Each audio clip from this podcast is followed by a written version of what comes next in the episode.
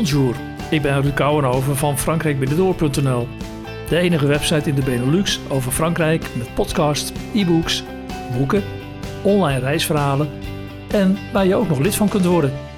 In deze podcast neem ik je mee naar een van de mooiste rivieren en leukste vakantiegebieden van Frankrijk. En vertel ik je alles over wijn en genieten in de Vallei van de Lot.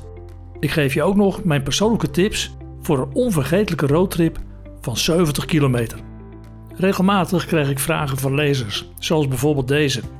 Hoi Ruud, momenteel wonen wij in Belley aan de Lot, vlakbij Pressac. En een klein stukje verder ligt Cahors, de schitterende streek in het departement Lot. En voor zover ik heb kunnen lezen, is dit een van de oudste bewoonde gebieden van Europa. En een gebied waar waarschijnlijk voor het eerst druiven werden geteeld en wijn werd bereid. Kun jij er beamen en heb je er meer informatie over? Mijn antwoord hoor je in deze podcast. En kun je ook lezen in het bijbehorende artikel met extra informatieve links op frankrijkbinnendoor.nl. Dat het departement Lot een schitterende streek is, dat kan ik zonder meer beamen. En dat ze er ook wijngaarden hebben, dat is ook het geval. En goede ook nog. Deze vraag zette mij aan het denken en ik besloot er maar meteen een nieuw verhaal over te maken, inclusief een podcast. Zelf kom ik heel graag bij de Lot en het is wat mij betreft sowieso een van de mooiste rivieren in Frankrijk. De Loire staat natuurlijk bekend om de fraaie natuur, de historische plaatsen, de kastelen en de goede fietspaden. Ik schreef er zelfs mijn nieuwe boek Loire over. Maar de vallei van de Lot is niet met de Loire te vergelijken. De natuur is er veel indrukwekkender en ook ruiger.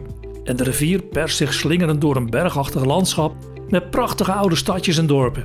Het plaatsje Belley, waar de vraagsteller dus blijkbaar woont, ligt wat dat betreft ook schitterend. Ik maakte in 2019, het jaar voor corona, een fantastische tocht met de auto langs de rivier de Lot. En ontdekte toen ook het hooggelegen dorpje Belley. En als je er ooit eens in de buurt bent, moet je er zeker naartoe gaan. En wat verderop vertel ik je meer over deze bijzondere roadtrip. Wanneer je op de kaart van Frankrijk kijkt en dan de rivier de Lot vanaf het gezellige stadje Cahors stroomafwaarts volgt tot ongeveer Fumel, dan zul je langs de rivier veel wijngaarden tegenkomen. De appellation Cahors strekt zich uit van Cahors tot aan het dorpje Sauturac dat vlak voor Fumel ligt. Vooral ten zuiden van de Lot vind je de wijngaarden waar uitstekende wijnen vandaan komen. En overal in Frankrijk waar wijngaarden liggen, zul je wel ergens iets tegenkomen dat het de oudste wijngaarden van Frankrijk zijn. Elk plaatsje is natuurlijk trots op zijn eigen historie. Zoek in Google maar eens op Le Plus Vieille Vigne de France, de oudste wijngaard van Frankrijk. Feit is dat de Romeinen op veel plaatsen in Frankrijk wijngaarden hebben aangelegd.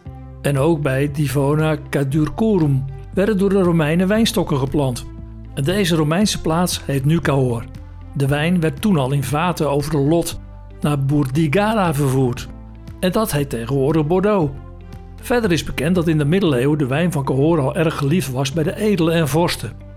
Zo is bijvoorbeeld bekend uit geschriften dat er al in 1305 ongeveer 800 vaten Cahors-wijn naar Bordeaux werden verscheept, die bestemd zouden zijn geweest voor het hof van koning Hendrik II, toen koning van Engeland, en hij was getrouwd met Eleonora van Aquitaine. Van de latere koning Frans I, ja, die van de beroemde kastelen bij de Loire en Fontainebleau, is bekend dat hij bij het kasteel van Fontainebleau wijnstokken uit Cahors liet planten. In 1868 kwam er een eind aan de opmars van de Cahors-wijnen, want de druifluis vernietigde een groot deel van de wijngaarden. En hierdoor trokken veel wijnboeren weg uit de streek. Maar uiteindelijk lukte het wel weer om wijnstokken te planten die bestand waren tegen de druifluis, maar dat duurde tot 1947 toen wijnboeren bij het dorpje Parnac besloten om nieuwe wijngaarden aan te leggen. En de gebruikte druivensoort werd vooral de Malbec, die overigens ook onder de naam Auxerrois bekend staat. Er worden stevige wijnen van gemaakt en de laatste jaren is de kwaliteit ook in deze wijnstreek met sprongen vooruit gegaan. En inmiddels beslaan de wijngaarden van de appellation Cahors bijna 4500 hectare. De Vallei van de Lot is een topbestemming voor een vakantie in Frankrijk. Het is van de Nederlandse grens tot aan Cahors ongeveer 1000 kilometer. Dat zou op één dag kunnen, maar maak van je reis ook een vakantie. En doe het met één of twee overnachtingen. Zelf kom ik dus graag in de Lot en een paar jaar geleden raakte ik verzeild op het kleinschalige vakantiepark Village des Cigales, bij het dorpje Moroux. Ik ontmoette er ook de chefkok die in mijn eerste boek lekkere tips geeft. Het is een prima uitvalsbasis om de vallei van de Lot te verkennen. Zo vertrok ik eens zonder plan met de auto en kwam tal van verrassingen tegen. Overigens, het vakantiepark ligt midden in de wijngaarden van Cahors en vlakbij ligt zelfs een heel goed domein, Château Latuc. Overigens is het geen kasteel, maar de wijndomeinen in deze streek worden aangeduid met château in plaats van domein. En ik heb nog diverse mooie flessen wijn van Château Latuc in mijn kelder liggen. Ga eens vanaf Moroux via de D5 richting Puy-l'Évêque. Je komt dan eerst nog een stuk langs wijngaarden, waarna je vanaf het plateau de afdaling naar de rivier maakt. Een fraaie rit die je naar de wijngaarden in de vallei brengt. En ook met een fiets of een e-bike een fantastisch mooie rit. Maar je moet niet vergeten dat je op de terugweg ook weer flink omhoog moet. Op een gegeven moment kun je met de auto linksaf naar een topwijndomein. En ik kan je zeker aanraden om daar eens te gaan proeven. Want de wijnen van Château Famin zijn echt heel goed. Het is ook heel leuk om er een proeverij mee te maken. Je moet wel even een afspraak maken, maar een proeverij met de Belgische eigenaren is echt een aanrader. En de wijn ook trouwens. En ook van Château Famin heb ik nog de nodige flessen thuis liggen. Vervolg daarna je weg door de wijngaarden naar Puy-l'Évêque. Een fraai middeleeuws stadje dat prachtig aan de overkant van de lot ligt. De auto kun je op de schaduwrijke parkeerplaats aan de Rue des Platanes zetten. Ik raad je hier vooral aan om een wandeling door het dorp te maken en via de leuke straatjes en trappen omhoog te lopen tot je helemaal bovenaan bent. En het uitzicht over de vallei van de rivier is bovenop bij het oude pauselijke verblijf fantastisch. Zoals ik aan het begin al aangaf, had ik geen enkel plan voor deze roadtrip, maar had ik een dag eerder van een local een tip gekregen dat er bij Grézel een klein wijnmuseum lag. Het Château de Lacoste is geen wijndomein, maar een echt kasteel. En het werd in de 12e eeuw gebouwd door de bisschoppen van Cahors om hun grondgebied te verdedigen. Nu zit er in het kasteel dus ook een wijnmuseum dat je kunt bezoeken. En je kunt er meer te weten komen over de inmiddels beroemde Cahors-wijnen. En na Grézel tip ik vooral een rit zo dicht mogelijk langs de rivier en om deze stroomopwaarts te volgen. En dat kun je het best doen via de D207. En na het dorpje Pescadoire blijf je dan gewoon de weg volgen. En dat is de D8. Oh ja, de weg is niet de allerbreedste. Maar je hebt wel een fantastisch uitzicht op de rivier. En als je de richting volgt die ik hier beschrijf, dan rij je veilig aan de bergkant. Want rechts van de weg gaat de helling van een bos steil omhoog, terwijl er aan de andere kant van de rivier maar een kleine strook berm is, waarna het steil naar beneden gaat naar de rivier een 20 meter lager. Op een gegeven moment zie je links van de rivier een fraai gebouw met sluizen liggen. En dat is de Ecluse de Flora. De dam die hier in de rivier ligt wordt gebruikt voor een kleine elektriciteitscentrale die groene energie opwekt met waterkracht. En in totaal wordt er 4,7 gigawatt op jaarbasis geproduceerd. En rechts zie je dan een aantal borden langs de weg staan en even verder kun je rechtsaf naar Bille. En dat moet je absoluut even doen, want de weg naartoe is al een belevenis. De D50 gaat vrij door de natuur en slingert door het bos omhoog. De smalle weg klimt steeds hoger en hoger, tot je op een gegeven moment een grote bocht naar links maakt. En dan zie je aan de rechterkant een prachtig panorama op de vallei van de Lot. Maar rij nog een stukje door en dan kom je bij het dorpje Bille. Rijd door tot je achter het oude kerkje komt en je ziet dan rechts een weg naar een parkeerplaats die iets lager ligt. Zet daar de auto, stap uit en begin je ontdekkingstocht naar een paar bijzondere verrassingen in dit unieke dorpje dat hoog boven de lot ligt. Allereerst zou ik even het oude kerkje ingaan uit de 14e eeuw. L'Église Saint-Aignan is sinds 1995 een officieel monument historiek en werd in 1353 door de dorpsbewoners gebouwd. Dat duurde wel even, want in 1404 was de bouw pas deels klaar en voor zover bekend was het kerkje pas helemaal af in 1460. En in de jaren daarna had het dorpje veel te verduren tijdens tal van oorlogen en godsdienstoorlogen, tot het meer dan 400 jaar later in bezit kwam van de bisschoppen van Cahors. En de rijke geschiedenis van dit kerkje gaat nog veel verder, want in 1721 wordt het gerestaureerd. En in de 19e eeuw worden er fraaie gebrandschilderde ramen aangebracht die er nog steeds zijn te zien. Kijk maar eens of je de jaartallen 1892 tot 1894 kunt ontdekken in deze kunstwerkjes van de maître verrier, de meester glasmaker, Gustave Pierre Dagrand. Hij kwam uit Bordeaux. En ik vind het altijd leuk om naar de namen en jaartallen in dit soort ramen te speuren en dan naderhand op te zoeken wie de kleurrijke ramen gemaakt heeft. Overigens noemde hij zichzelf Dagrand met een D. En Gustave was niet de eerste de beste, want hij had op een gegeven moment zelfs 50 man in dienst en ze maakten de ramen voor ongeveer 3000 religieuze gebouwen in Frankrijk en zelfs daarbuiten. En over buiten gesproken, als je na de bezichting van het kerkje door het dorpje loopt, zul je zien dat er ook fraaie oude huizen liggen die een rijke geschiedenis verklappen. Maar de grote verrassing ligt iets verder, bij een pleintje met een fantastisch uitzicht op de vallei van de Lot.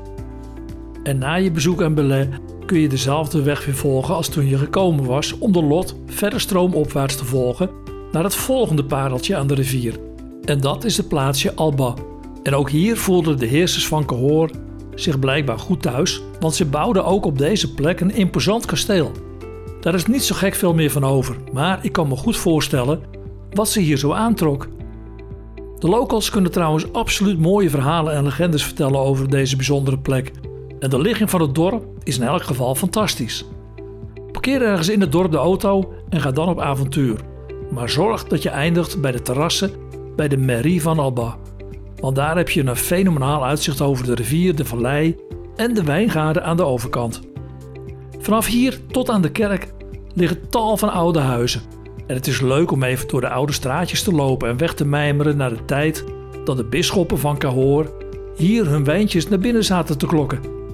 En je kunt de lot nog 25 kilometer stroomopwaarts volgen tot je in Cahors bent. En dat is een heerlijke stad waar je in elk geval ook eens op zaterdag naartoe moet gaan. Het is er dan super gezellig, maar wel druk. En de fantastische markt in het oude centrum is het absoluut waard en moet je bezocht hebben als je toch eens in de buurt bent. Op andere dagen in de week heb je wel wat meer mogelijkheden om de oude stad en de bijzondere kerk te bezoeken. En een wandeling naar en langs de Lot moet je dan zeker eindigen met een bezoek aan de beroemde Pont Valentré. En dat is misschien wel de blikvanger van Cahors. Overigens passeer je dan richting Cahors ook het stadje Luzec. Het ligt in een bijzonder fraaie bocht van de rivier, waardoor het net lijkt alsof het plaatsje op een eilandje ligt. Het smalste stukje is nog geen 100 meter breed. Zoek ergens een plekje voor de auto of je camper en ga te voet het eiland verkennen. Ga dan eerst richting het smalste stuk en wandel de heuvel op naar het oude donjon die bovenop de heuvel in Penal ligt. Je hebt er op circa 150 meter hoogte een heel fraai uitzicht op de omgeving. En als je daarna terugwandelt, ga dan verder naar de heuvel aan de andere kant van Lucek. En deze heet Pistoel. En als je deze vervolgens afdaalt, sta je midden in de wijngaarden van het Domaine de la Pistoule. Je kunt dan zelf kiezen hoe je weer bij je auto of je camper terugkomt. Deze keer reed ik echter na Albas via een kronkelende D37 en een best wel avontuurlijke weg richting het dorpje Sauzet. En na een paar kilometer kom je bij een oriëntatiepunt met een picknickplaats. Je hebt er een fraai uitzicht op de omgeving. En toen ik er was, was het er heerlijk rustig. Je rijdt er op een hoogvlakte en door een bos. En in de buurt van Sauzet verschijnen de wijngaarden van Cahors weer. En als je dan het dorpje bent gepasseerd, kun je via de D656 verder gaan. Dat is een redelijk vlakke weg met soms wijngaarden en soms gewoon niks. Lekker rustig en ook een fraaie streek om eens op de fiets of e-bike te stappen. Omdat je hoog op het plateau van Cahors rijdt, is het er niet zo heuvelachtig en als je gewoon eens links of rechts gaat, kun je heel mooie fietstochten maken en kom je op plekjes waar je met de auto niet zo snel zou komen. Als je wilt, dan kun je in het dorp van het gehucht Bovilla via de D45 of de D28 naar het leuke en middeleeuwse plaatsje Montcuq. Dat ligt ongeveer 10 kilometer zuidelijker. Het ligt op een heuvel, dus je hebt op diverse punten een mooi uitzicht. En elke zondagochtend is er markt en kun je genieten van de bijzondere sfeer in Montcuq. Het is er dan gezellig druk en parkeren kun je dan het best aan de rand van het dorp doen. Als ik trouwens in Moroux ben, ga ik graag met de e-bike naar Montcuq. Een fantastische rit, maar daar kom ik later nog wel eens op terug. En als je het uitstapje naar Montcuq nu niet maakt, ga dan na het dorpje Saint-Matré richting Fumel over de D4. En die kun je volgen tot je in Moroux arriveert. Maar ik was ooit eens nieuwsgierig en ging er rechtsaf richting Serignac. Je rijdt dan over de D44 en als je op een gegeven moment voor het dorpje naar de D65 gaat, ga dan de richting van La Capelle Cabanac. Een beroemd wijndorp met een uitstekend wijndomein, Château La Capelle Cabanac. Dus als je nog eens wilt proeven en kopen, dan blijf je gewoon deze rustige weg volgen. En als je er dan toch bent, kijk dan even achter het kerkje van het dorp, waar je een prachtig uitzicht hebt op de Vallei van de Lot. In de omgeving kun je fantastisch fietsen en er zijn zelfs een paar fietsroutes aangegeven. Meer tips en handige links bij deze podcast vind je nu op frankrijkbinnendoor.nl slash roadtrip-lot. En je vindt ook een handig kaartje met de route in Google Maps. Oh ja, vond je deze podcast leuk? Abonneer je dan bij Apple Podcasts, Spotify, Stitcher of Google Podcasts op Frankrijk Binnendoor. En je bent altijd op de hoogte van nieuwe podcasts met mijn tips. Je kunt natuurlijk ook naar frankrijkbinnendoor.nl slash podcasts voor al mijn podcasts en video's over Frankrijk. Tot mijn volgende podcast.